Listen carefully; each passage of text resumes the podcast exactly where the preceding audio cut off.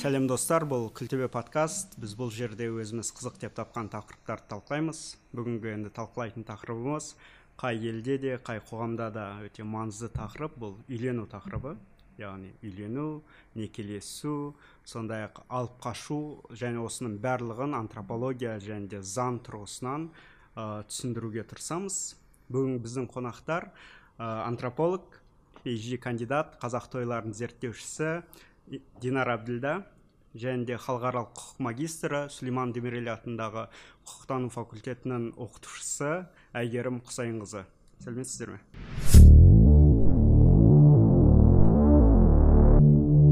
Енді бүгін тақырып бізде үйлену.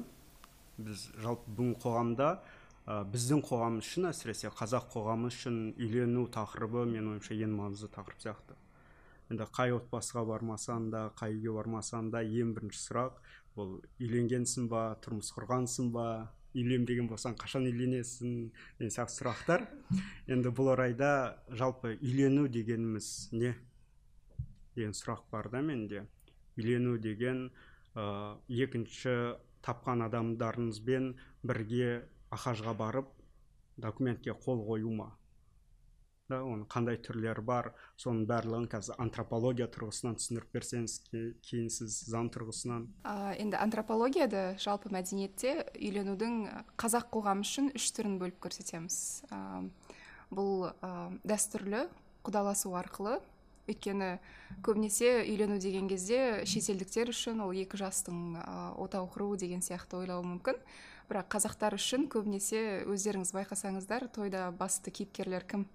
Қалыңдық пен жігіт емес қой ол көбінесе ата анасы туысқандары. Сол үшін бізде ә, дәстүрлі үйлену құдалық арқылы.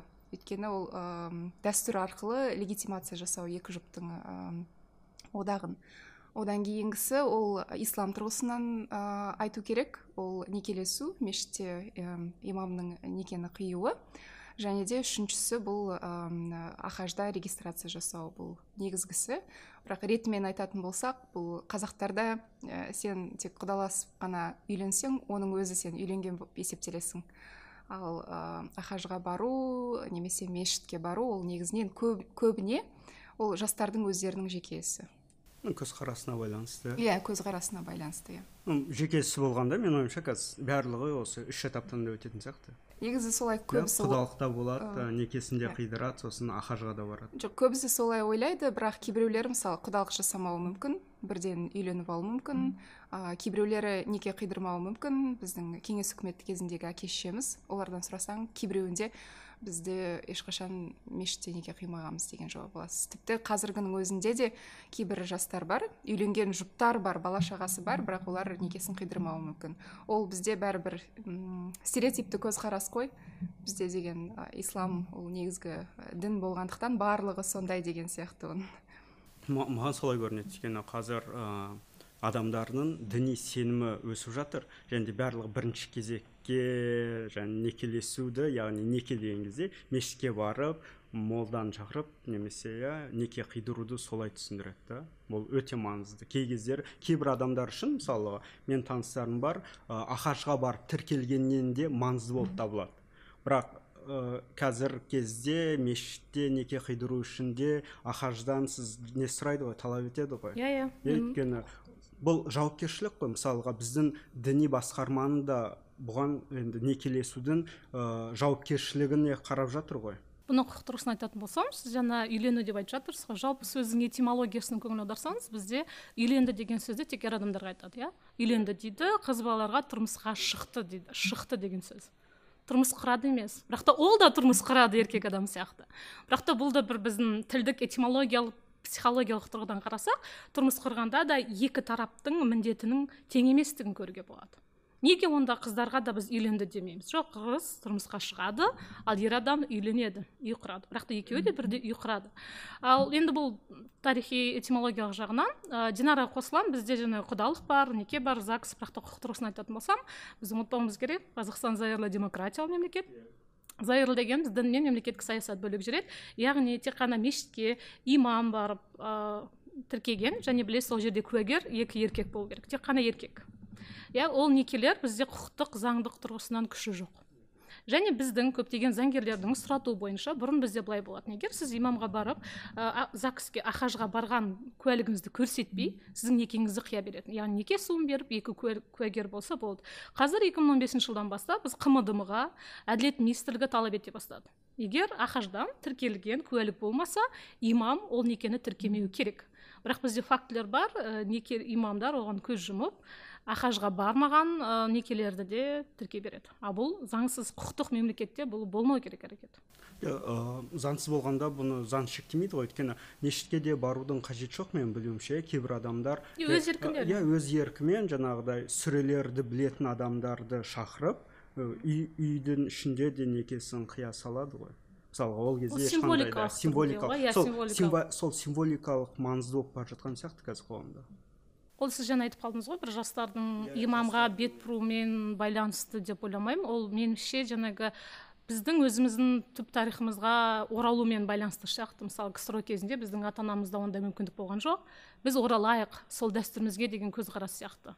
Діни көзқарас әрине болуы мүмкін бірақ та біз құқықтық мемлекет ретінде ондай некенің күші болмайтынын ондай некеден дүниеге келген балалардың еш қорғалмайтынын ұмытпауымыз керек.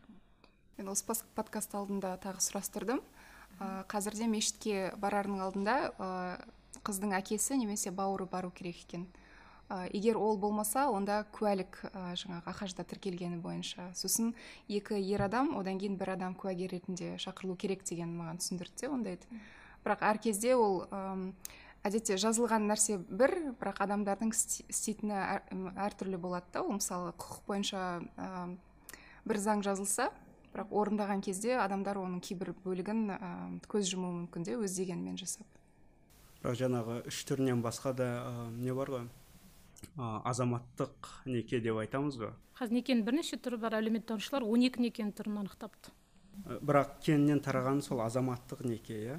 Біздің статистика бойынша былай айтады. Бізде азаматтық некенің көбейгенін бізде жалпы мемлекетіміз білесіздер отбасылық құндылықтары отбасын қайтадан трендке әкелейік деген саясаткерлер пікір айтып жатыр. Оның олар неге дабыл қағып жатыр? Себебі перзентханада некесіз дүниеге келген балалардың саны өсуде. Себебі бала перзентханадан шығатын кезде оның куәлігінде жазылады. Бала некеде туған ба некеден тыс туған ба? Олар сол статистиканың ұлғайып бара жатқанын көріп қорытынды шығарып жаңағы сіз сияқты азаматтық неке ұлғаюда бұл дұрыс емес. Бұл қауіп. Деп айтуда иә заң тұрғысынан қауіпті иә негізі антропологияда ә, классикалық еңбектерде авторлар ең бірінші олар айтады некелесу үйлену деген не үшін қажет? Ол ең біріншіден ә, жаңағы туылған балаларды заңдастыру дейді легитимация. Өйткені баланы қорғау үшін оның ары қарай оның болашағын қамтамасыз ету үшін оған ә, куәлік керек. Ол адамдар болуы мүмкін біздің құдалықтағы сияқты немесе белгілі бір құжат болуы мүмкін. Немесе ә, сенетін адамдар үшін ол құдай алдындағы некені қидыру деген сияқты енді классикалық түрлері ғой. Неке дегенде біз енді былай жария болуды талап ететін нәрсе сияқты.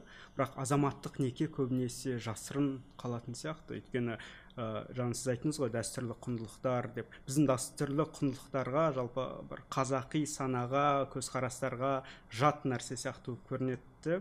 Де көбісі жасырын қалуға қалады. Тырысады солай ойламайсыз ба? Ничего заман талабы да сияқты. Қазір тіпті отбасы деп социологтар бір адамнан тұратын адамды да отбасы деп атайды. Отбасы болу үшін міндетті түрде екі адам болу қажет емес.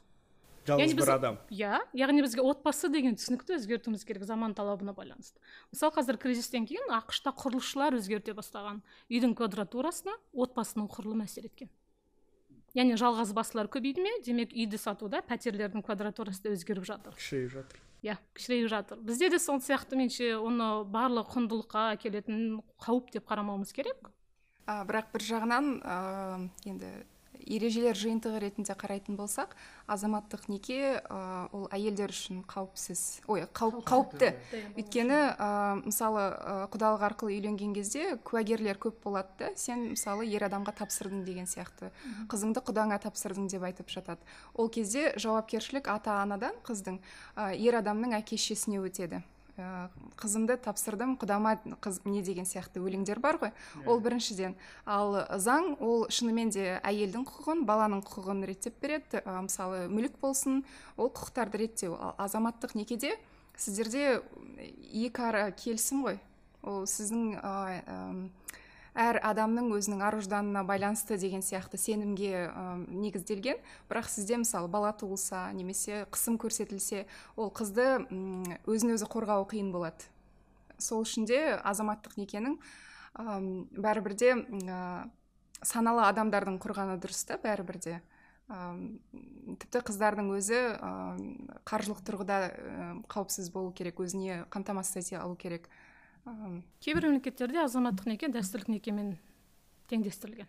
Яғни сіз неке құру үшін неке дегеніміз ол бір екі адамның консенсуалды иә келісімге келген одағы болса сіз сол одақты негіздеу үшін мен неліктен біреуге баруым керек иә? Неліктен мен әділет министрлігіне баруым керек неліктен мен мешітке баруым керек деген пікір болуы мүмкін. Біз бір бірімізді сүйеміз біз болашағымызды бірге өткізгіміз келеді біргеміз.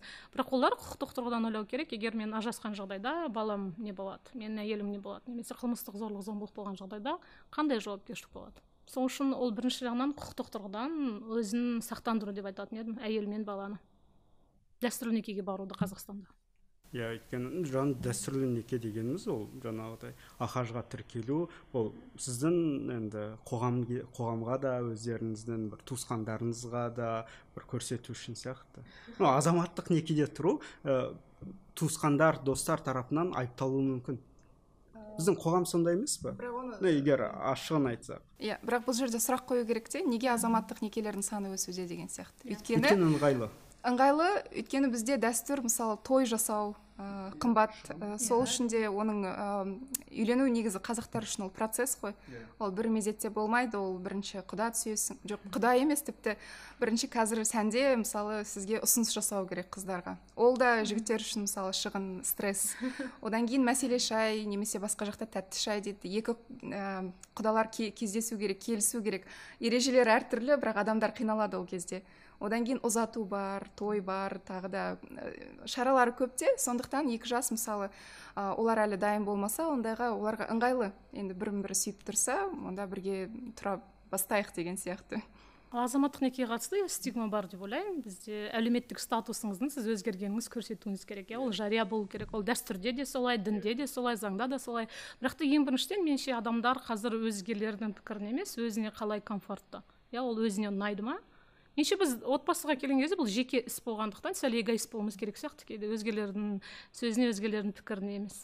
Тек қана құқығы қорғалатынына көз жеткізу керек қой бұл жерде. Принап деген бар. Принап деген жаңағы азаматтық некеде қол қоятын шарт. Олар некеге бармайды өздері шартқа отырады. Мысалы біз үш жылдан кейін ажыратсақ пәтер менікі көлік сенікі деген сияқты. Олар өзара нотариусқа барып жаза мүмкін. супер саналы жұпты айтып жатырсыз ғой. Қазір немесе басқа бір европадағы мүмкін қазақстанда да бар ондай тәжірибе. Бірақ санаулы шығар олар. Жоқ ол ондай контрактты кім жасайды? Әдетте өзінде капиталы бар адамдар жасайды. Қорғап қалу үшін иә? Сақтап қалу үшін өйткені адамдар жалпы рационалды да егер оның жоғалтатын нәрсесі болса онда онда контрактіге барады.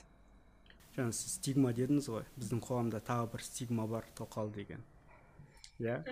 Мысалы маған ұнамайды шын ә, мысалы кейбір ә, азаматтарда екі неме үш әйел болуы мүмкін төрт әйел болуы мүмкін біреулер оны жария қылады.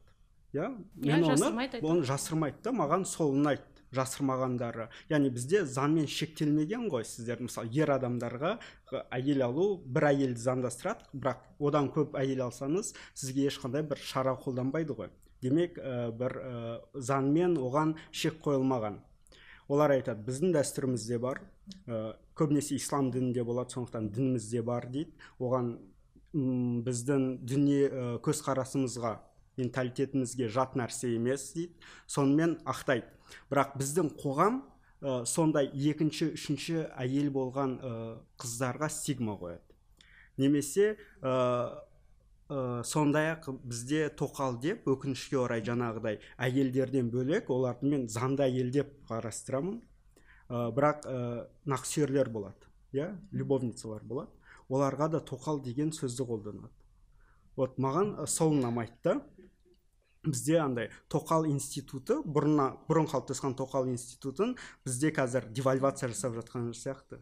Оны мен құқық тұрғысынан түсінетін болсам көп әйел алушылықты бізде полигамия дейді иә. Полигамия ол исламда бар төрт әйел рұқсат берілген. Бірақ қазақстандағы депутаттар осы мәселені бір емес бірнеше мәрте көтерген кезде мен үшін мен күлкім келді. Себебі ол сіз қорғаймын деп жатырсыз біріншіден заң тұрғысынан сіз екінші некені тіркеу үшін бір неке, бірінші некеде болмауыңыз керек. Яғни ажырасуыңыз керек. Біріншіден олар тіркелмеген а біз құқықтық мемлекетте тұрамыз. Бірінші қате сіз мемлекеттің құқықтық ә, статусына режиміне қайшы әрекет жасап отырсыз. Бірақ дұрыс айттыңыз ол үшін бізде ешқандай әкімшілік қылмыстық жауапкершілік жоқ моральдық жауапкершілік болуы мүмкін. Яғни оны кейін кекетуі мүмкін немесе керісінше сенен ұрпақ көбірек қалып жатыр деген сияқты мақтауы мүмкін ол ер азаматты. Яғни бізде осындай көзқарастық біз секуляр зайырлы мемлекет болғандықтан адам құқығы тұрғысына бірінші қоюымыз керек. Мәдениет дәстүрді қолданатын жерлер де бар қолданбайтын жерлер бар. Бірақ та полигамияны дәстүр ақтаушылық олар нақты полигамия неден пайда болғанын білмейді деп ойлаймын. Себебі полигамия ол қажеттіліктен пайда болған болады мысалы пайғамбардың өзі полигамияны толық құптамаған айтқан. Сендер төрт әйел алсаңдар төртеуіне теңдей қарау керексіңдер. Мен бірақ кепілдік бере аламын сендер тең қарай алмайсыңдар дейді яғни біздің имамдардың өзі осылай түсіндірмеген соң бізде көп әйел алушылық құқық бұзушылықты дін мен дәстүрмен жапқысы келеді. Иә бізде ә, негізі исламның ә, ережелері біздің мәдениетпен араласып кеткенде көбінесе халық айтқан кезде айтады бұл біздің ата бабамыздан келе жатқан дейді да бірақ ол исламның пайда болуымен келген ә, жаңағы дәстүр ғой. Бірақ сол дәстүрдің өзінде де ә, сен екінші әйел алып жатсаң да ол тоқал болса да оның қалыңмалы ә, бірінші әйелден де көп болады. Сен неғұрлым жас ә, жаңағы қызды алған сайын оның құны да көп болады. Өйткені әрбір адамның ә, жаңағы өмірін бағалаған оның құнын бағалаған. Ол сен еріккеннен алмайсың ғой. Және де көбінесе айтады ғой бізде қазақ байыса тоқал алады деген сияқты. Бірақ қазір біз білмейміз ғой олар қаншалықты бұндай тіпті біздің дәстүр деген кезде де ондай орындап жатыр ма. Одан кейін ә, теңдей қарау деген кезде де оның ә, жаңағы халық алдында да шынымен де моральды деңгейі жоғары болу керек қой. Ал біздікілер олар шынымен де жаңағы нақсүйер деген сияқты стигмамен қалады да. Сондықтан бізге бұл қаншалықты бұл қажет деген сұрақты қою керек те. Ол көбінесе ер адамдардың ә, жаңағы привилегиясы привилегиясы дейді ғой. Иә артықшылықтары бұл жерде. Жоқ мен бұл жерде енді андай бір ақтап алу емес. Керісінше әйелдер құқығы девальвацияланып жатыр бұл иә әйелдердің құқығы девальвацияланып жатыр және де сол екінші әйел болған әйелдердің құқығы. Иә және де сол әйелдер тарапынан да олар ә, белгілі бір неге де сөзге қалуы мүмкін ғой. Бұл жерде енді екінші үшінші әйелдер некенің басқа түрлері ғой. Жарайды олар ахажға барады тір, ахажға бармайды тіркелмейді. Бірақ олар жаңағы құдалық құда түсуі мүмкін. Олар жаңағы неке қияды яғни басқа түрлері сақталады. Және де бұл жерде жаңа өзіңіз айтқан азаматтық неке де сияқты болуы мүмкін ғой. Екеуі екі жақта келісім шарт болуы мүмкін ғой келісуі мүмкін ғой. Өйткені жаңағыдай екі ересек адам уже екеу емес иә көбірек адам қатысқан. Өзара келісіп сондай бір форматта отбасы құрып жатса иә то есть бөлек үй бірақ отау ішіндегі отау ма? Сонда мемлекеттің ішінде мемлекеттің саясатына қарсы бір одақ құрса ма? Жоқ ә, мемлекеттік саясатқа қарсы емес. Яғни бұл жерде отбасы саясатына қарсы ғой. ә, заң тұрғысынан иә. бізде полигамия жоқ. Бірақ шектелмеген. Бізге жоқ деген сөз шектелген деген сөз. Бірақ та ол үшін қылмыстық әкімшілік жауапкершілік жоқ. Мм. Мен мен мен былай түсіндім да заң тұрғысынан мен былай түсінемін. Егер шектелмесе мынаны жасауға болмайды деп айтпаса оны істеуге болады. Жоқ жоқ бізде жазылған неке және отбасы кодексінде екінші некені тіркеуге тыйым салынған. Иә оның балалары да қалай тіркеледі мысалы? Ә, одан кейін біз бұл жерде ұмытпау керекпіз де көп әйелді кім алады? Бай адамдар ғана алады. Ә, ал басқа мысалы ә, жігіттер қызға қарауы мүмкін. Ә, бірақ басқа бай алып жатыр ғой мен неге алмасқамын дейді да бірақ бала шағасы көбейеді оны кім асырайды мысалы? Ол әйелді әлі де объект ретінде қарау. Яғни әйел ол зат мен оны қолдана аламын өзім білемін ол менің меншігім сияқты қарау. Ол ғасырлар бойы мысалы феминистік қозғалыстардың адам құқығы саласындағы қозғалыстардың ғасырлар бойы еңбекті жоққа шығаратын дәстүр құнсыздандыратын дәстүр. Сонда қазір ә, енді білмеймін қазіргі ғасырда қазіргі заманда бәрібір бұл бір ерікті түрде сияқты көрінеді. Олай емес па яғни қыздар тоқал болуға өздері келіседі. Иә, сұраныспен келісім болса нарықтың заңы отбасыда да мүмкін иә солай болуы мүмкін. Енді ә, жаңағы бай адамдар дедік қой мүмкін ол депутат болуы мүмкін. Енді депутат алып қашады деп ойламаймын. Енді біреуді көшеде ұнаған бір қызды машинеге салып алып көмекшілерімен бірге алып қашады деп ойламаймын.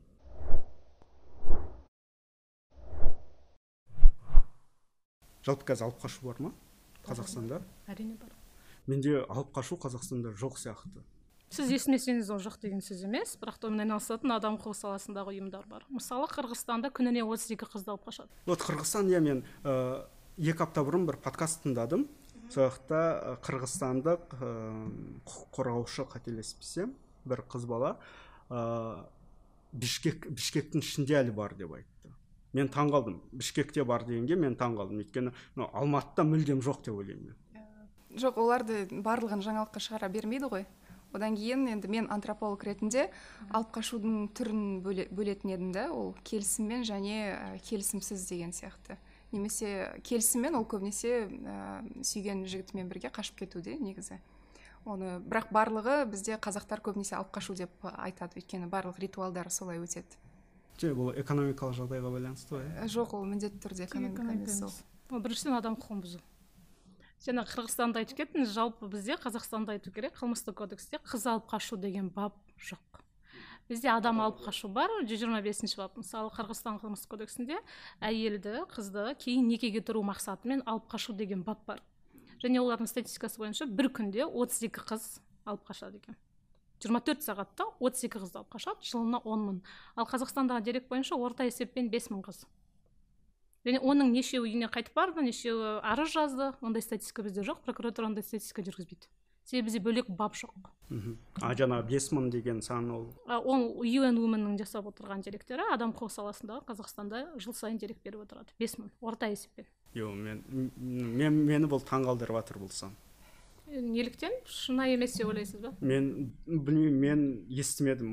Ұзақ уақыт болды бір алып қашты дегенді жоқ оны естімедім енді резонанс тудырып оны біреу бөліспесе мысалы сіз ә, алыс ауылды жерлерден мысалы естімейсіз сондай алып қашулар болады. Келісіммен алып қашу- қашуларды да есептемейді өйткені жастар өздері келіседі ә, сондықтан ол қалай тіркейсің сен? Ол немесе ә, қыздар өздері ұялады. Ол ә, алып қашып кетті ол арыз жазды одан кейін оған стигма болады да сен байдан қайтып келді деген сияқты. Өйткені ол дәстүрлі дәстүрлі болса сен ә, некедегі адам ретінде қабылдайды сені. Сол үшін де көп қыздар оны айтпайды да тіпті. М. маған маған алып қашу немен байланысты сияқты андай? бір экономикалық жағдаймен байланысты сияқты?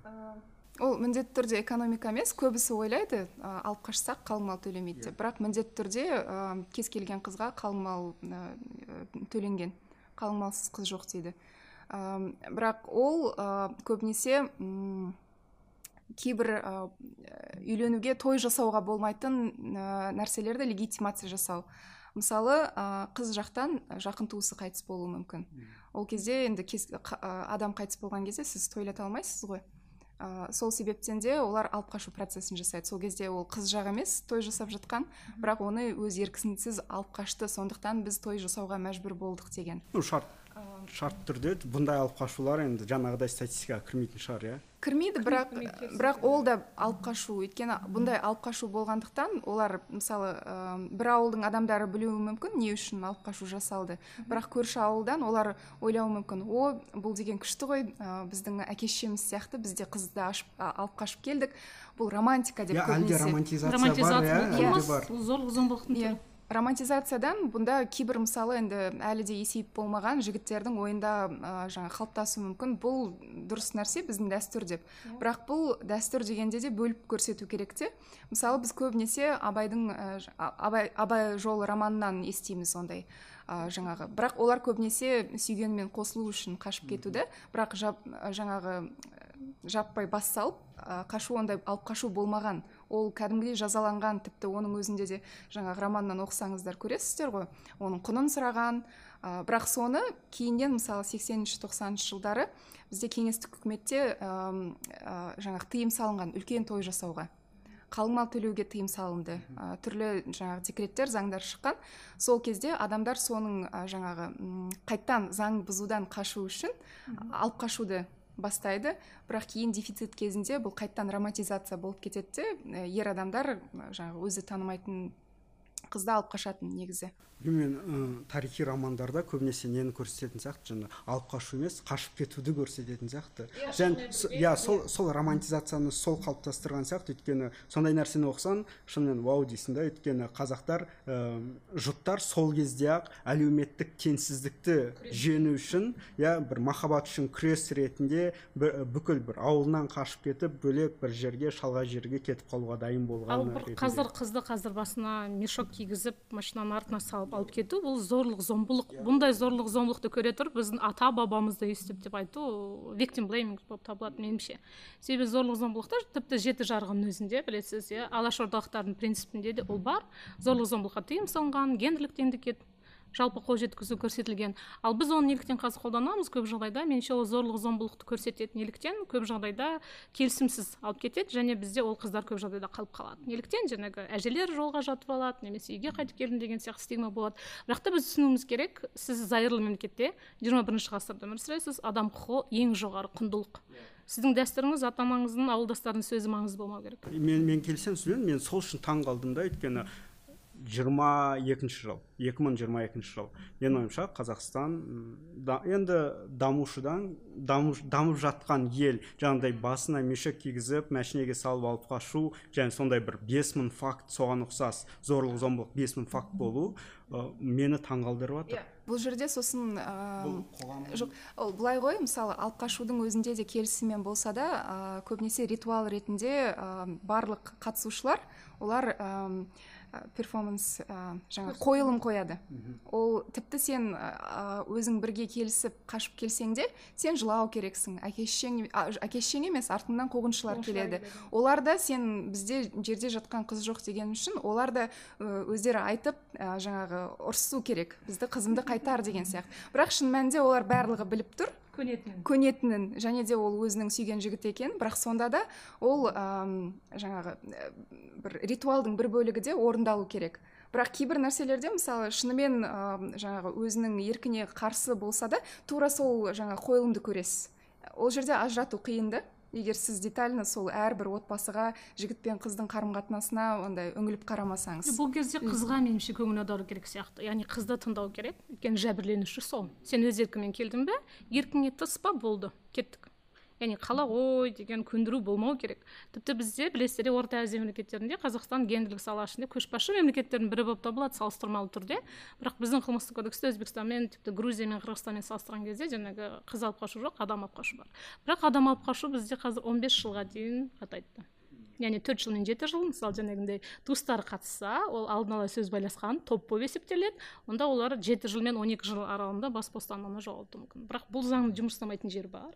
Егер алып қашып кеткен жігіт қызды үйіне қайтарып берсе ол жігіт ешқандай жауапкершілік болмайды. Көрдіңіздер ме? Әрекетіне жауапкершілік ешқандай жоқ. Бірақ та қыздың травмасы психикасы оған кім жауап береді? Ешкім. Оны қарастырмайды. Иә жалпы енді осы жерін нүкте қойсақ алып қашуға. Бұл ә, тоқтайтын нәрсе ғой иә? бір 15-20 жылда тоқтауы мүмкін. Өйткені бұл европада болды ғой иә? Алып, қашу болды ма европада? Иә европада болды. Тіпті швейцарияның өзінде де ә, сондай не болған орманда аппенцель дейтін ә, ер адамдар алып қашып кеткен. Немесе қазір қытайдың өзінде де тайваньмен шекаралас жерде ә, қытайлық ә, азаматтар ер азаматтар ә, тайвандық әйелдерді алып қашып келеді. Шынымен де адам ұрлау фактісі. Өйткені ол жерде қытайлық қыздардың қалың малы өте қымбат. Сол үшін олар ұрлап алып келеді. Ал қазақстанда ол өзгеріс болып жатыр. Мысалы сексен тоқсаныншы жылдары өте көп болды. Ә, одан кейін тоқсаныншы жылдары кішкене кризис кезінде бірақ ә, экономикалық жағдайымыз жақсарғаннан бастап ә, қыздарға әсіресе менің енді аргументім ол ә, ұзату жасағалы бері ә, легитимді жолы ұзатылған қыз жаңағы дұрыс деген сияқты. Ал сен қашып кетсең немесе алып қашып кетсе сен әке шешеңнің статусына нұқсан келтіресің. Сен әке шешең кедей оған ұзату жасай алмады деген сияқты. Бұл дәстүр өзгертіп жатыр да бұл жерде ана заңда емес мысалы жаңағы жазаланасыз деген сияқты. Бірақ бұл жерде экономика одан кейін қыздың статусын жаңағы қоғамда өсіру. Жалпы құндылықтардың иерархиясында заң бізде меніңше топ үште тұрған жоқ ешқашан өкінішке орай. Қаншалықты құқықтық мемлекет десек те. Кейбір механизмдер жұмыс жасамайтыны сол. Біз көбіне дәстүрлі қоғам сияқтымыз иә патриархалды қоғам бірақ сонымен біз күресуіміз керек. Отбасы мәселесіне келген кезде дәстүрлі сияқтымыз иә. Иә әлі де дәстүрліміз соның ішінде патриархалды принциптер басым.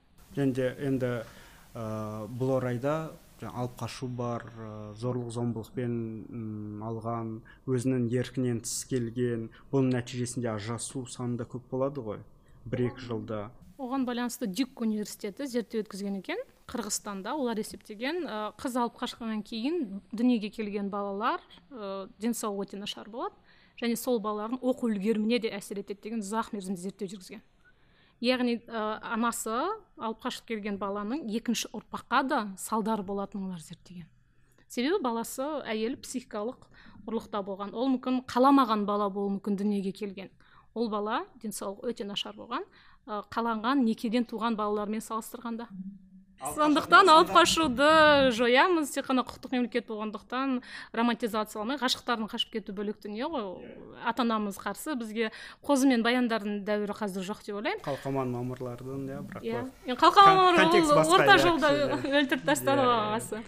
Бірақ тура осындай жолда меніңше тек қана заңға ғана бағыну керек ал және ер азаматтар білу керек. Қандай да бір әрекет үшін жауапкершілік бар екенін оны жауапқа тартатын ауылы көрші әкесі емес заң. Заң болу керек иә. Заң заң үстемдік ететін қоғамға жеткен кезге дейін бұл тоқтаса екен деп ойлаймыз жоқ тоқтайды негізі тенденция соны көрсетіп менің жатыр, ойымша иә. экономикалық жағдайға байланысты Иә. сияқты негізі әлдеқайда тоқтаған ол Иә. қазір иә маған да солай көрінеді шынымды айтсам бірақ сонда да қауіп бар да романтизацияламау Иә. жаңағы. қылмысты зорлық зомбылықты ну ол тоқтаған сияқты қазір ондай- азайып келе жатыр бірақ ра- фактілер оны әлі романти Жақ- жақын бір құрбыларыңыз бар ма алып қашқан? Менде жоқ екен бақытыма орай деймін ба?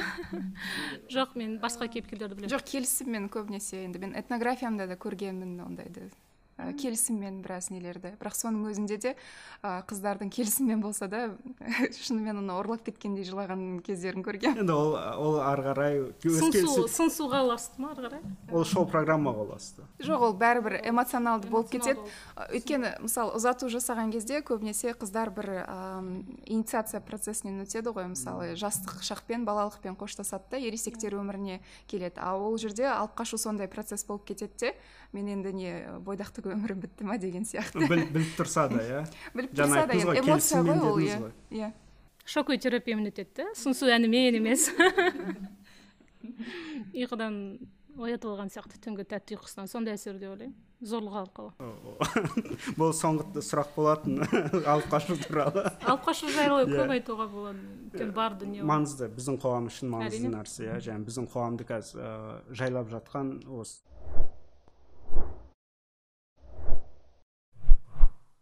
Менің ойымша ә, ажырасу көп. Ойымша емес статистиканы айту бойынша. Менің ойымша жаңағыдай нәрселер алып келген болуы да мүмкін. Жаңағыдай ә, егер алып қашу бар болса еркінен тыс болса жалпы қазір үйленудің өзі бір романтизация емес па біздің қоғамда? Қазір ә, жастар көп қой тым. Он сегіз жиырмаға тола салып үйленгісі келетін жастар ол да заңсыз. Неге? Бізде заңда некеге тұру жасы он сегіз. Жоқ енді соны айтып жатырмын он сегіз жиырма он жасқа алты дейін. он жетіде неке құратындар өкінішке орай бар және одан лидер облыс бізде маңғыстау облысы олар оны мақтанып айтады. Ол мақтанатын дүние емес. Ол бала құқығына қайшы әрекет. Ол немен байланысты? Маңғыстау неге олар дәстүрмен мүмкін динара жақсы біледі антрополог ретінде түсіндіреді дәстүріміз солай деп. Бірақ он алты жасар он төрт жасар қыздар некеге отырып жатқан тіпті жаңалықтардан да көрген боларсыз бірақ егер о, лидер болып тапса демек ондай фактілер көп қой. Бар өте бірақ мемлекет бұл салада жұмыс істемей жатыр ма қазір? Заң тұрғысынан жоқ бізде ешкім шектеу ғой. жоқ ешкім оған ә, мысалы шағым айтпаса ә, ешкім араласпайды да оған. Иә. өйткені әсіресе кіші ауылды жерде болсын аудандық жерде болсын барлығы бірін бірі таниды. Ә, сосын ә, жаңағы бұрынғы дәстүрдегі нені ойлайды да он үш жаста отау құрған деген сияқты бір қайтадан романтикалық идея да. Бірақ біз бәрібір заманның өзгергенін қабылдамай отырмыз да. А, он үш енді вообще кішкентай бірақ оны да қайтадан жоқ, иә бұл жерде қайтадан дәстүрді дұрыс түсінбеу дұрыс оқымау. Тіпті он үш жаста ол тек атастырып қойылған болуы мүмкін. Ол сіз қалың малын төлеп біткенше ол қыз кәмелеттік жасқа жетеді. Енді ол кезде енді әртүрлі түсінік қой кәмелеттік жас немесе үйлену жасы деген кезде. Бірақ сонда да ә, қалың малды төлеген кезде ол жылдар бойы біраз уақытпен жаңағы неткен әрі ә, оны қадағалаған. Бірден он үш жаста олар ә, жаңағы ә, некеге тұрған жоқ. Ол тек құдаласуы мүмкін бесік құда деген сияқты бар.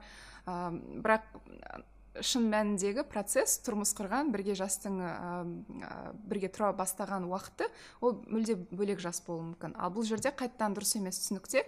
Одан кейін ол жаңа қайттан азаматтық неке стигмасы деген сияқты мысалы ә, некеге дейінгі ә, жыныстық қатынас болмайды деген сияқты сондай ұят деген не, түсінігінен мысалы жастар тезірек үйленуге тырысады. Легитимация жасау үшін юнисефтің зерттеуі бар иә қазақстандықтардың жыныстық қатынасқа тұру жасы орта жасы 14 деген статистика болды. Значит ол емес себебі сонда сұрақ туындайды Иә. yeah. ерте некелердің себебі неде иә? Мысалы юнисеф бізге кеңес берді. Қазақстан сендерде ерте неке бар бала құқығы сендерде демек қорғалмаған. Ол немен байланысты емес па бізде ә, қазір сізден нақтылап алу мүмкін мен қателесуім мүмкін. 16 жас бізде ата ананың рұқсатымен некелесуге бола ма? Жоқ болады.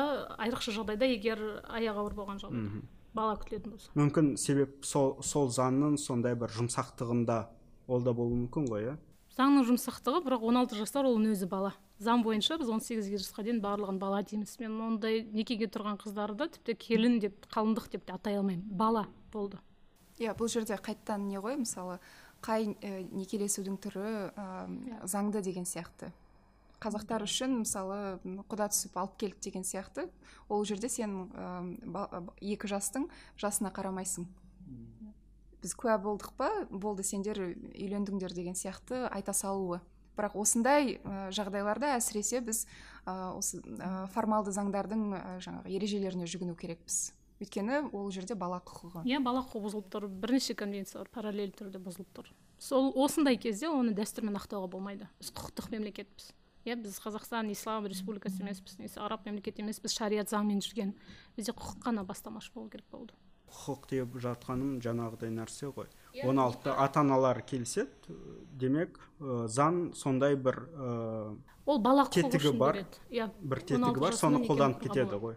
Иә соны қолданып кетеді. Және де дәстүрлі ә, былай айтамыз ғой енді дәстүрлі аймақ деп айтамыз ғой. Демек сол аймақтарға тән нәрселер оңтүстік аймақтарда негізінен егер қыздың ата анасы келіспесе жігітті зорлады деген баппен соттай алады.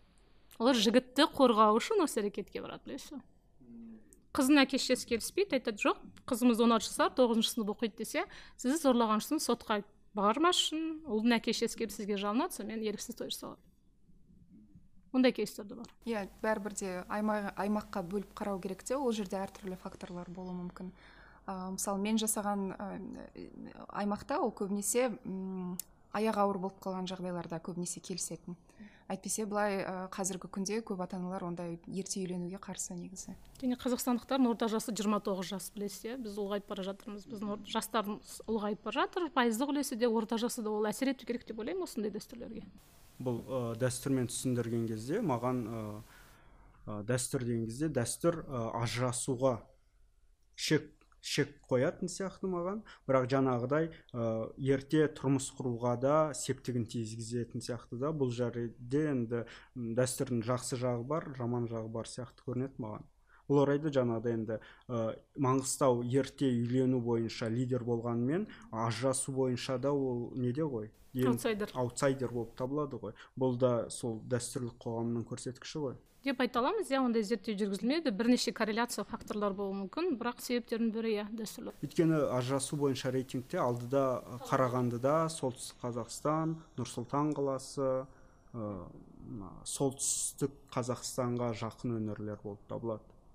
Бірақ та біз оларды кінәламауымыз керек. Ажырасу фактісі сендерде көп демек сендер дұрыс емессіңдер деген сияқты көзқарас болмау керек олардың өз еркінде. Яғни ешкім ешкімге мәжбүрлемеу керек немесе ажырасқан үшін оны кінәламау керек. Олардың жеке өмірі олар өз еріктерінде. Бірақ ол да қазақ қоғамында стигма мәселесі ғой. Ажырасқан ажырасқан қыздарға көбінесе стигма қойылады ғой. Ажырасты қайтып келді қайтып келген қыз жаман деген сияқты. Бірақ ә, екіншіде тезис бар. Дә- дәстүршілдікті қолдайтындар осылай. Ә, ішіме сыйған қыз ә, айналама да сияды деген сияқтымен қазір ата аналар керісінше отбасылардың ажырасуына өз септігін тигізіп жатыр деген сияқты екі қарама қайшы пікір бар. Меніңше бұған зерттеу жүргізу керек. Былай айтуға болмайды.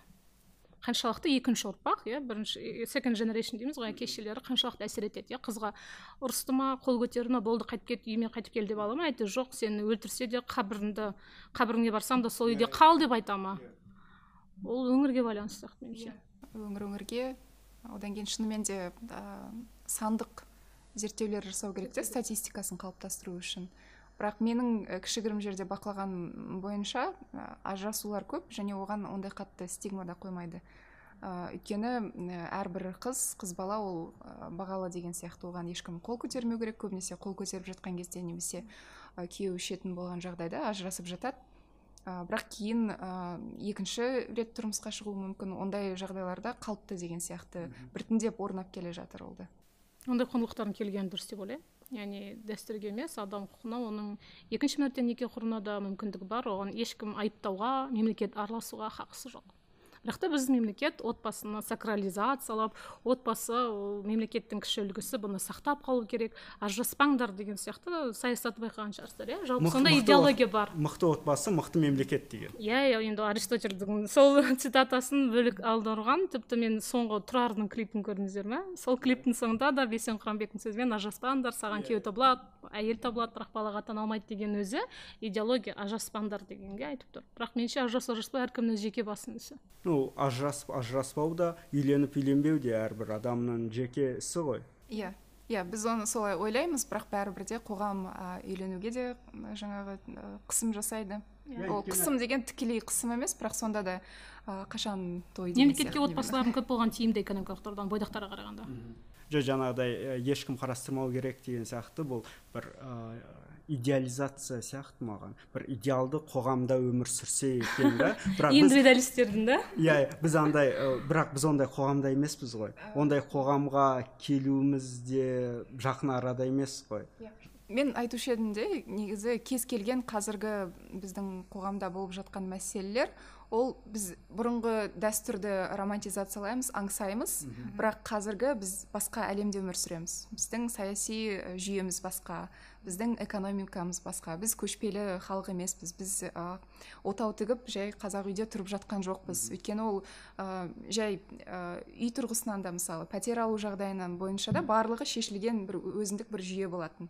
Бірақ біз өзіміздің заманымызбен идеологиямыз ілес- ілесе алмай келе жатыр. Біз айырылғымыз келмейді. Ә, бұрында бізде ата бабаларымыз өте жақсы өмір сүрген идеалды өмір сүрген.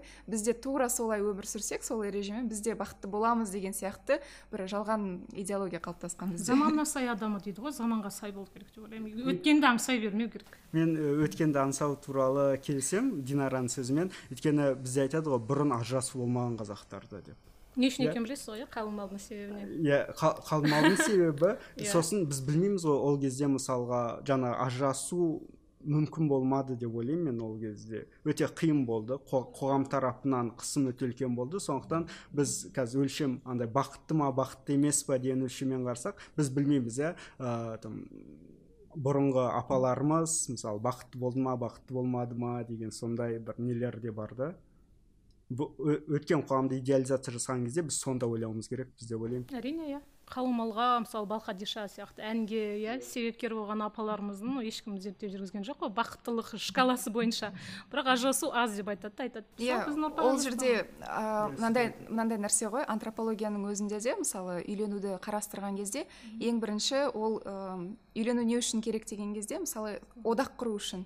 Сенің ә, өзіңнің жауларыңнан қорғану үшін тек қана сондай ә, жаңағы одақ құру керексің. Сонда сен мықтырақ боласың сен қорғана аласың соғыста жеңіп шығасың деген сияқты.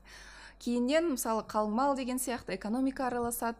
Ал қазіргі 20 ғасырда махаббат қосылады. Иә. Ол кезде махаббатпен үйлену деген тіпті біздің қазақтар үшін де сирек болатын. Енді ғой ол қазіргі заманда мен жақсы көрмесем мен ешкімге тимеймін деген сияқты түсініктер қалыптасып келе жатыр да. Өйткені ол жерде практикалық жағы болды. Сол себептен де. И тіпті олар ә, ойламауы да мүмкін де. Мен міндетті түрде күйеуге шығып жатқан адамды жақсы көру керекпін деген сияқты. Және ол жақта әйелдердің құқығы болған жоқ ажырасуға қалың мал тұрғысынан. Мысалы сіздің қалың малыңызға жетпіс жылқы берсе сіз оны он есе қылдырып әкеңіз қайтару керек болған. Сіз білесіз әкеңіздің қайтара алмайтынын сіз үйге қайтып бара алмайсыз.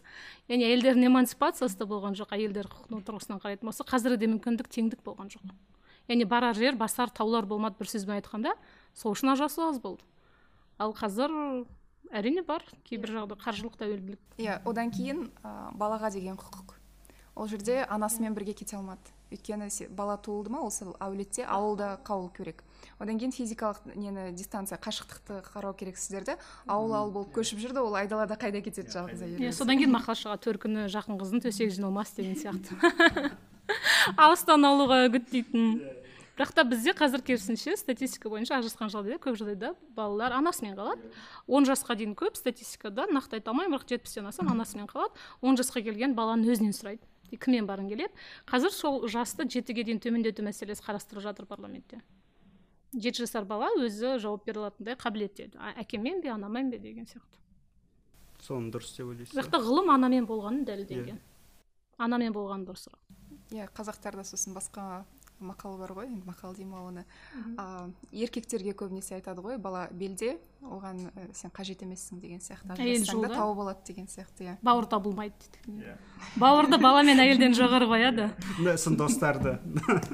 Достарды білмеймін бірақ бауырды қанды өте жоғары қояды бірақ сондай мақалдардың өзі ғой бізге деген ә, біз қалай өмір сүру керекпіз дегенді үгіттеп тұратын көбінесе. Иә. Борхестің осыған байланысты керемет шығармасы бар ғой. Дәлелдейді. Ол тек қана қазақ қоғамында емес жалпы әлемде бауырды әйел мен баладан жоғары қойған. Ол патриархалдық қоғам негізі. Ә, дом, домалағана қателеспесем иә бір әңгіме бар емес па? Ә, жаудың қолына түсіп қалады ол бір адамды арқалап шығуына болады. Ол өзінің күйеуін қалдырып кетеді де інісін арқалап алып келеді ғой өйткені ә, күйеу табылады. Бала белде ба- бала туады иә бірақ іні табылмайды бауыр табылмайды дейді иә. Иә ол қайтадан бірақ ол жерде ер адам емес әйел адам. Иә бірақ ол жерде қайтадан бұл ам, жалпы адамзаттың құрастырған идеологиясы ғой туыстық қатынастар бойынша. Ам, мысалы киншип туыстық қатынастар теориясында айтады. Да а, не үшін біз деген бауыр а, жаңағы әпке сіңлілі дегенге сену керекпіз? Өйткені егер адамдар ондай а, туыстық қатынастарға сенбесе онда ешқандай одақтар құрылмас еді адамдар бірін бірі қырып тастаушы еді деген сияқты. Өйткені мысалы сіз дос болсын ә, досыңызды се- сіз тастай саласыз да өйткені ол бауыр емес. А бауыр болса сен қанша ренжісең де онымен біргемін деген идеология ұстап тұрады да ол. Бүткіл адамзатты ыдырап кетпеу үшін деген сияқты қатты ә, кеңінен тараған қазір идеология қандастық теориясы да өзгеріп жатқан сияқты. Өйткені отбасылардың саны мысалы қазақстанда орташа отбасы балалардың саны екеу. Мысалы бұрын он сегіз болған кезде ол кездегі бауырлық қарым қатынаспен қазіргілер басқа біз жаңа айтқан индивидуалистік көзқарасқа келе жатырмыз. Тіпті бір зерттеу бар қытайлықтарда білесіздер жетпіс алты мен екі мың он алтыншы жылғы жылдар аралығында бір отбасы бір саясат деген саясат жүргізді. Сол кезде американдық ғалымдар мынандай зерттеу жүргізіпті. Қытайлықтар жетпіс алты мен екі мың он алты арасында дүниеге келген қытайлықтар басқа ұлт өкілдеріне қарағанда эгоист пе деген. Себебі олар отбасында жалғыз бала болған дәлелдеген. Олар басқаға қарағанда эгоисттер. Себебі туған ағасы бауыры болмаған. Және сол эгоисттер қазір қытайдың экономикасын қалай құрып жатыр деген керемет қорытындыға келеді. Әрине эгоист болады өйткені бір балаға алты адам. Эгоисттер экономиканы құруда бүкіл заңды бұзады деген қорытындыға келеді. Яғни олар қатыгездеу болып келеді дейді. Осындай бір қызық ы, несі бар? Корреляциясы бар. Қайтадан сол біздің экономикамыздың өзгеруі де мысалы өмір салтымыздың да өзгеруіне байланысты ғой. Бұрын мысалы адамдарға адамның еңбек күші маңызды болған. Мысалы мал шаруашылығы болсын жер өңдеу үшін саған көбірек а, бауыр керек болған бала керек болған. Коллектив ұжым Иә. керек. Ал қазір көбінесе капитал ғой ақша ғой. Иә. сол үшін енді әркім өз өзіне ғана сенеді деген сияқты. Бірақ сонда да қайтадан бұнда ә, конфликт бар да бізде қазақ қоғамында? Мысалы біз көбінесе бауырларға сенеміз бірақ капитализм сені индивидуалистік іс әрекетке итермелейді. Содан адамдарда көбінесе көңілі қалып жатады да. Олардың күткені бір бөлек бірақ іс бө- бөлек болып жатады. Иә біз уже бауырларды Иә. талқылап кеттік. Жоқ ол қағысы бар ғой. Өйткені мысалы тұрмыстық зорлық зомбылық болған жағдайда ер адамдар кімге сенеді? Кімді кінәлайды? Өзінің бауырын ба әйелін бе? Ол жағдайда әйел. Ол қа- қазір орын алып жатыр ғой әлі де иә? Ол әлі де тұрмыстық зорлық зомбылықтың ішінде бір себептердің фактор болуы мүмкін. Мысалы ене мен келін ұрысып жатса ол еркек адам көп жағдайда кімді жақтайды? Анасын жақтайды. Анасын иә өйткені әйелін емес. ыыы, солай тәрбиелейді ғой балаларды кішкентай. Бізде енді нақты статистика жоқ он семьяның нешеуінде деген. Бірақ көп ыыы, ат- ы, себептерінде отбасының ажырасу себептерін жазады ғой хажда сонда көп себептерінде енем енем енеміз араға түсті. Бауыр араға түсті деген себеп жазылады. Соған қарап та қорытынды шығара аламыз. Яғни отбасылық қарым қатынас бізге қазір қалай әсер етіп жатыр отбасылық құндылықтар екінші отбасының пайда болуына. Егер ондай көрсеткішті жақын арада зерттеп көретін адамдар болса қызық болатын еді. Өйткені ә, мысалы қазір ана болып жатқандар там тоқсаныншы жылдар тәуелсіз қазақстанда дүниеге келген иә қыздар ана болып жатыр. Бір 15 жылдан кейін тоқсаныншы жылда дүниеге келген қыздар ене болады ғой өздері бір 15 сол сол кезде олар қазір орта некеге жас құру ұлғайып барады қазақстанда. Ер азаматтар жиырма бес 20 жылдан әйелдерде жиырма үш бірақ ол да ұлғаяды деп ойлаймын. Иә қа- қа- қандай болады екен да олар да өздерінің енелері сияқты ене бола ма жоқ әлде? Жаңа өздері барлық проблеманы түсініп басқаша қарайтын бола ма деген неше басқа болатын сияқты? Ол енді біздің үкіметке байланысты. Біздің әл ауқатымызды қалай көтереді? Бәрібір де көбінесе конфликтілер ол тіпті ене мен бауырмен болсын ол ақша үшін мүлік үшін болады да. Сол үшін де біздің жағдайымыз жақсы болса жалпы халықтікі енді орташа деңгейде. Онда бәрібір де бір м, келісіммен деген сияқты контракт арқылы деген сияқты ондай ы, конфликттердің алдын ы, жаңағы алуға болады. Бірақ бізде үкімет жаңағыдай отбасылық отбасы саясаты бар ғой бізде. Үкімет ыыы араласуға тырысады иә? Заңдық тұрғыда реттеп тұруға тырысады араласып отыр. Президент Иә. жанында комиссия бар сол бойынша. Иә комиссия бар. Реттеп отыруға тырысады ғой олар иә? Бірақ олар үк- ы, отбасының мықты болып сақталып қалғанын қалап жатыр ғой. Иә ажырасуды азайту және заңсыз азаматтық некеде туғандар балалардың санын азайту тұрмыстық зорлық зомбылықты азайту деген сияқты. Иә бұл орайда біздің үкіметтің істеп жатқан саясатына көңіліңіз тола ма? Менің жоқ. Не өзгерту керек? Менің ең бірінші айтатыным ә, тұрмыстық зорлық зомбылықты әйелдерді заң қорғамайды. Өкінішке орай бізде статистика бар. Тіпті өткен айда бізде ішкі істер министрлігі мынандай хабарлама жасады. Тұрмыстық зорлық зомбылық көретіндердің елу пайыз еркектер елу пайыз әйелдер деген. Біз күлкіміз келді. Елу де елу деп айтты бірақ та прокуратураның дерегі бойынша олай емес. Жетпіс бес пайыз көп жағдайда әйелдер жетпіс бес жиырма пайыз еркектер қалған он он бес пайызы балалар. Мынандай көзқарас жоқ па? Заң қор- қорғау үшін механизмдер жасаған. Бірақ ы, жаңағы зорлық зомбылық көрген әйелдердің өздері соңына дейін апармайды. Бұл да Яғни, виктим а- а- блейминг әйелді Ар, кінәлау арыз жазбайды немесе сол соңына дейін сол арызды жеткізбейді. Бұл орайда мысалы қалай болу керек механизм? Әрбір әйел енді әйелдер арызданатын солар болу керек қой. Иә иә бірінші арызды жазады бірақ Иә. бізде көп жерде да біз зерттеу жүргізгенде қалай болды? Участковый полицей келеді өзің жаңа айтқандай э, сүйіп қосылған күйеуің ғой кешіре сал бір мәрте немесе ертең келіп өзің арызыңды қайтарып аладың ғой сол үшін ойлансаңшы дейді ол өйтіп айтуға хақысы жоқ. Оған араласпау керек талап арыз алу керек. Зорлық зомбылықты көріп тұр көзі көгерген. Бізде өйтпейді участковалар. Іс ашқысы келмейді. Ой бұл бытовуха ғой дейді. Тұрмыстық іс қой. Біз араласпаймыз дейді. Сол үшін бізде жылына қазақстанда 400 әйел күйеуінің қолынан қайтыс болып жатыр. Заң қорғамайды әйелдерді сол үшін ажыраспағанда не істейді? Иә бұл жерде қайттан дәстүрлі түсінікпен ә, заңның түсінігі ғой. А, тіпті сол заңды орындаушы адамдардың өзі дәстүрлі ойлануы мүмкін де. Ам, бірақ менің ойымша заң болған жерде сен тек қана сол заңмен жүру керексің сол кезде ғана әділеттік болады да. Ал егер сен әрдайым тек өзіңнің ойыңша мынау дұрыс қой осылай жасаған дұрыс қой деп ол бәрібір субъективті пікір ғой оны араластырмау керек. Тіпті мемлекеттің кризистік орталықтары бар жаңа тұрмыстық зорлық зомбылық көрген әйелдер барады ол алты айдан кейін әйелді шығарып жібереді. Алты айдан кейін қайда барады? Көп жағдайда бізде стокгольм синдромымен күйеулеріне қайтып барады абьюзерлерге екінші мәрте.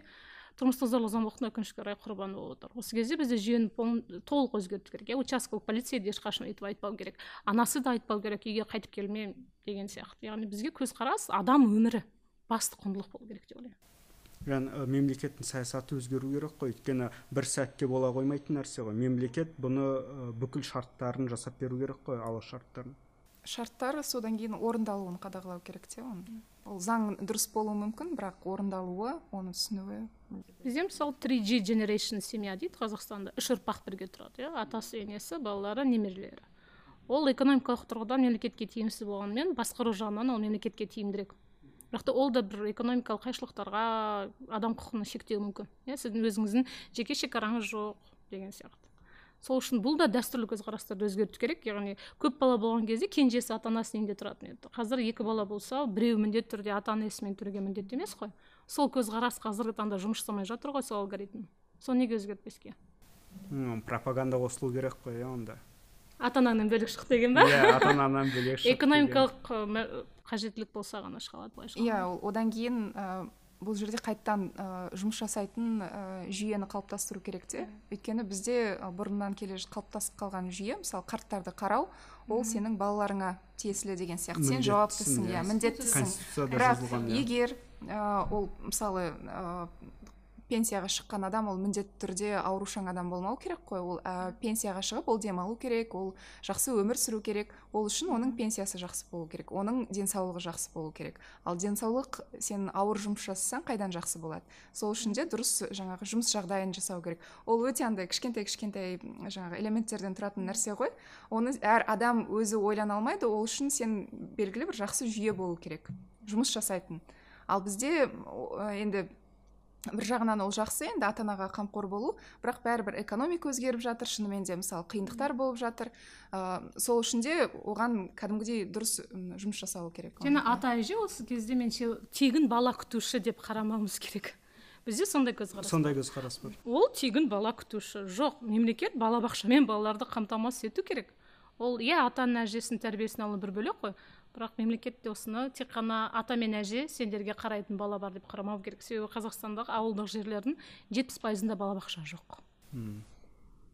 Бірақ жаңағыдай сіз айтып жатқансыз мен менің ойымша кейде ә, мәселе ә, адамдардың өздерінде сияқты болып қалады да. Өйткені менталитет мәселесі ә, жігіттер жоқ ондай нәрсе. Ондай жоқ па? Жоқ ғалымдар дәлелдеген мынаушы жігіттер үйленген кезде мысалға ә, менің мамама ұнаса екен. Үйленетін алатын қызым. Мамамның қолын ұзартсам екен ә, ә, енелердің келіннің қолынан шай ішу деген нәрселер бөлек шықпаудың бөлек жібермеудің нелері ғой жаңағы алғы шарттары ғой. Ал бұл сонда біздің өзіміздің көзқарас дәстүрлі көзқарас болмаса ол не? Егер сенің балаларың ата аналарың айтады көмектеспей жатса. Сен не істеп жатырсың мысалға жалғыз өзің неге чай қойып жатырсың сен ене ой келінім бар емес па деген. Бұл біздің қоғамның көзқарасы ғой. Жоқ оны ә, былай айту керек те көбінесе біз дәстүр дегенді түсінген кезде ол қатып қалған нәрсе деп ойлаймыз да. Бұрын пайда болған әлі де сондай деген сияқты. Бірақ кез келген дәстүрді адамдар шығарады да оны сыртқы факторларға байланысты немесе кейде ішкі болады өзгеріске ұшыратып отырады. Қатып қалған дәстүр болмайды ол. Бірақ адамдар соны солай қабылдайды да бұрыннан келе жатқан деп. Мысалы бізде ә, ұзату бір кезде болды. Одан кейін жоқ болып кетті иә? Бірақ қайтадан пайда болды. Бірақ ол бұрынғыдай мысалы атпен түйемен деген сияқты емес қой. Бейімделіп жатыр. Оның функциясы өзгереді. И кез келген түсінікте мысалы экономика қалай әсер етеді саясат қалай немесе дін қалай әсер етеді өзгеріп отырады ол. Ал жаңағы сіз айтқан ер азамат енеме анама ұқсайтын деген ол әр объективизация. Сіз әйелге субъект ретінде қарап тұрған жоқсыз сіз біреуге ыңғайлы объект іздеп жүрсіз. Үй күтушісің. Тура функциялары бар сезімді екінші орынға қойған адамды іздеп жүрсіз. Оның өзі патриархалдық құндылықтармен қалыптасқан адамдардың ішіндегі дәнек. Біз сол дәнектерді азайтумен күресуіміз керек. Оған уақыт керек. Иә вот мен соны соны сұрап жатырмын мен ә, мен ешкімді мысалға айыптап жатқан жоқпын. Мен былай жасау бар деп айтып жатырмыз. былай жасау керек деп айтып жатқан жоқпын. Біз осы қоғамда тұрып жатырмыз. Біз қазақпыз. Біздің ондаған туысқандарымыз бар. Біз қаншама той көрдік иә. Біз бұның барлығын көріп жатырмыз ғой күнделікті. Сондықтан біз ә, қазіргі қоғамдағы бар нәрсені бар деп айтып және де сол жақсы ма жаман ба емес ол қалай өзгеретіндігі жайлы айтып жатырмыз ғой. Яғни қанша уақытта жоқ әлде мемлекет пропаганда жасау керек па мемлекет айту керек па? Міне былай мынандай отбасы болғандарын дұрыс былай жасама, жасауларын қате деген сияқты нәрселерді айту керек па? Бұл жолы қандай мысалға? Біз әлде бір уақыттан кейін бұл өзгере ма деген нәрселер ғой. Әйтпесе әрине мен білемін алып қашу бұл зорлық да. Жаңа виктим блейминг деген нәрселер объективизация ұқсату сен үйге үй қызметшісін әкеліп жатқан жоқсың деген нәрселер. Бірақ бұл қоғамдағы бар нәрселер. Яғни біз ә, бұл мәселені жаңағыдай ә, ғалымдар иә сіздер ә, бір диагноз қойып беруіңіз керексіз ғой. Және де оның емдеу жолдарын иә бұл дұрыс бұрыс болса емдеу жолдары дұрыс болса бұны керісінше сақтап керісінше алып қалудың жолдары. жоқ бұл жерде ә, ғалымдар олар біреуді түзету үшін зерттеу жасамайды ғой.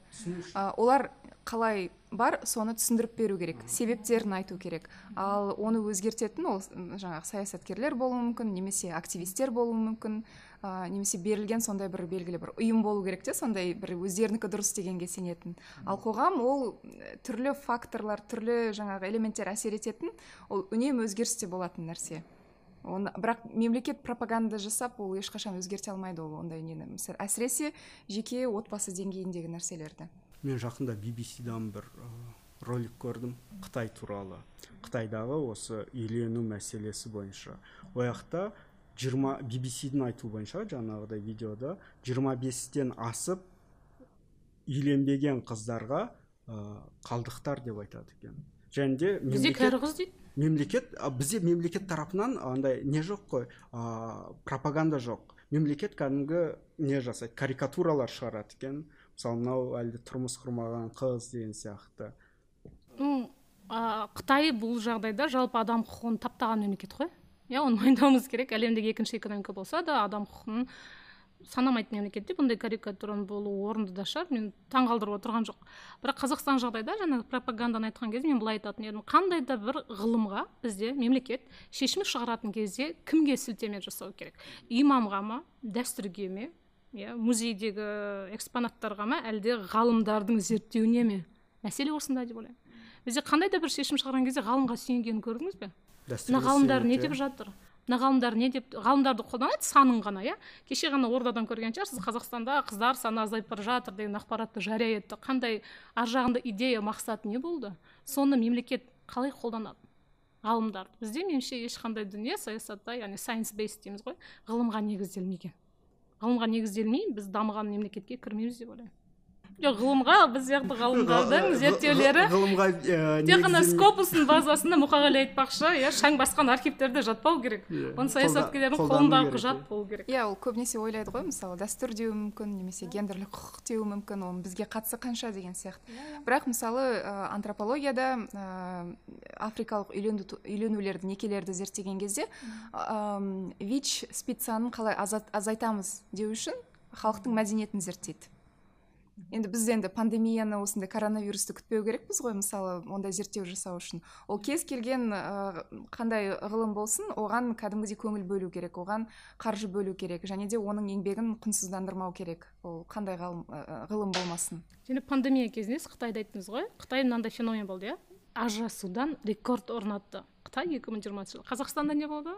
Бала туудан бум болды. Бум болды. Сол ақпарат мемлекет қалай қолданды мәселе осында. Ғой ғалымдар оның себептерін анықтап меніңше үлгерген жоқ бір сандық сапалық зерттеу жасап неге бум болды? Себеп неде болды? Мүмкін орта жасқа байланысты әлеуметтік жағдайға байланысты ма иә? Қызық себептер болуы мүмкін біз білмейтін. Бірақ та бізде ақпарат былай болды да қараңдар ана әлем ажырасудан рекорд орнатып жатқан кезде біз бала туудан рекорд орнаттық деді да. Оның өзі сіз жаңа айтқан мемлекеттің пропагандасы. Жоқ мен, мен соған ә, таң қалып жатырмын жаңа мемлекеттік саясат бар деп айттық комиссия бар дедік бірақ ғалымдарға сенбейді деп келдік отбасыны Нәтижесінде ғана насихаттайды соның ішінде патриархалды дәстүрлі принциптерді ғана насихаттайды. Ол қате? Ол адам құқығына қайшы көп жағдайда. Өйткені отбасының әр түрі бар. Иә мысалы бала қаламайтын чайлд фри отбасы болуы мүмкін. Иә ата анасымен бірге тұрғысы келмейтін отбасы болуы мүмкін. Көп қой олардың құндылықтары. Ал бізде бір норма бар отбасы міндетті түрде еркек әйел болады екі баласы болады. Сондай суретті ғана көрсетеді отбасы отбасының қазір сурет өзгерген көп жағдайда. Инклюзия болу керек иә отбасының ішінде. Осы осы нүктеде тоқтасақ инклюзия болу керек. Иә өйткені ары қарай мен. Иә өйткені ары қарай уже рахмет. Келіп пікір білдіргеніңіздерге осы нүктеде тоқтасақ осымен ә, бүгінгі подкаст аяқталды.